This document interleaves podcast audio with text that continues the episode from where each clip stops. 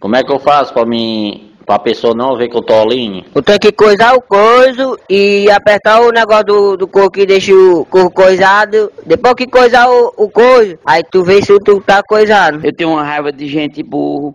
Não é online não, é online. Como é que eu faço pra mim. pra pessoa não ver que eu tô online? Tu tem que coisar o coiso e apertar o negócio do, do coco que deixa o coco coisado. Depois que coisar o, o coiso, aí tu vê se tu tá coisado. Eu tenho uma raiva de gente burro. Não é online não, é online.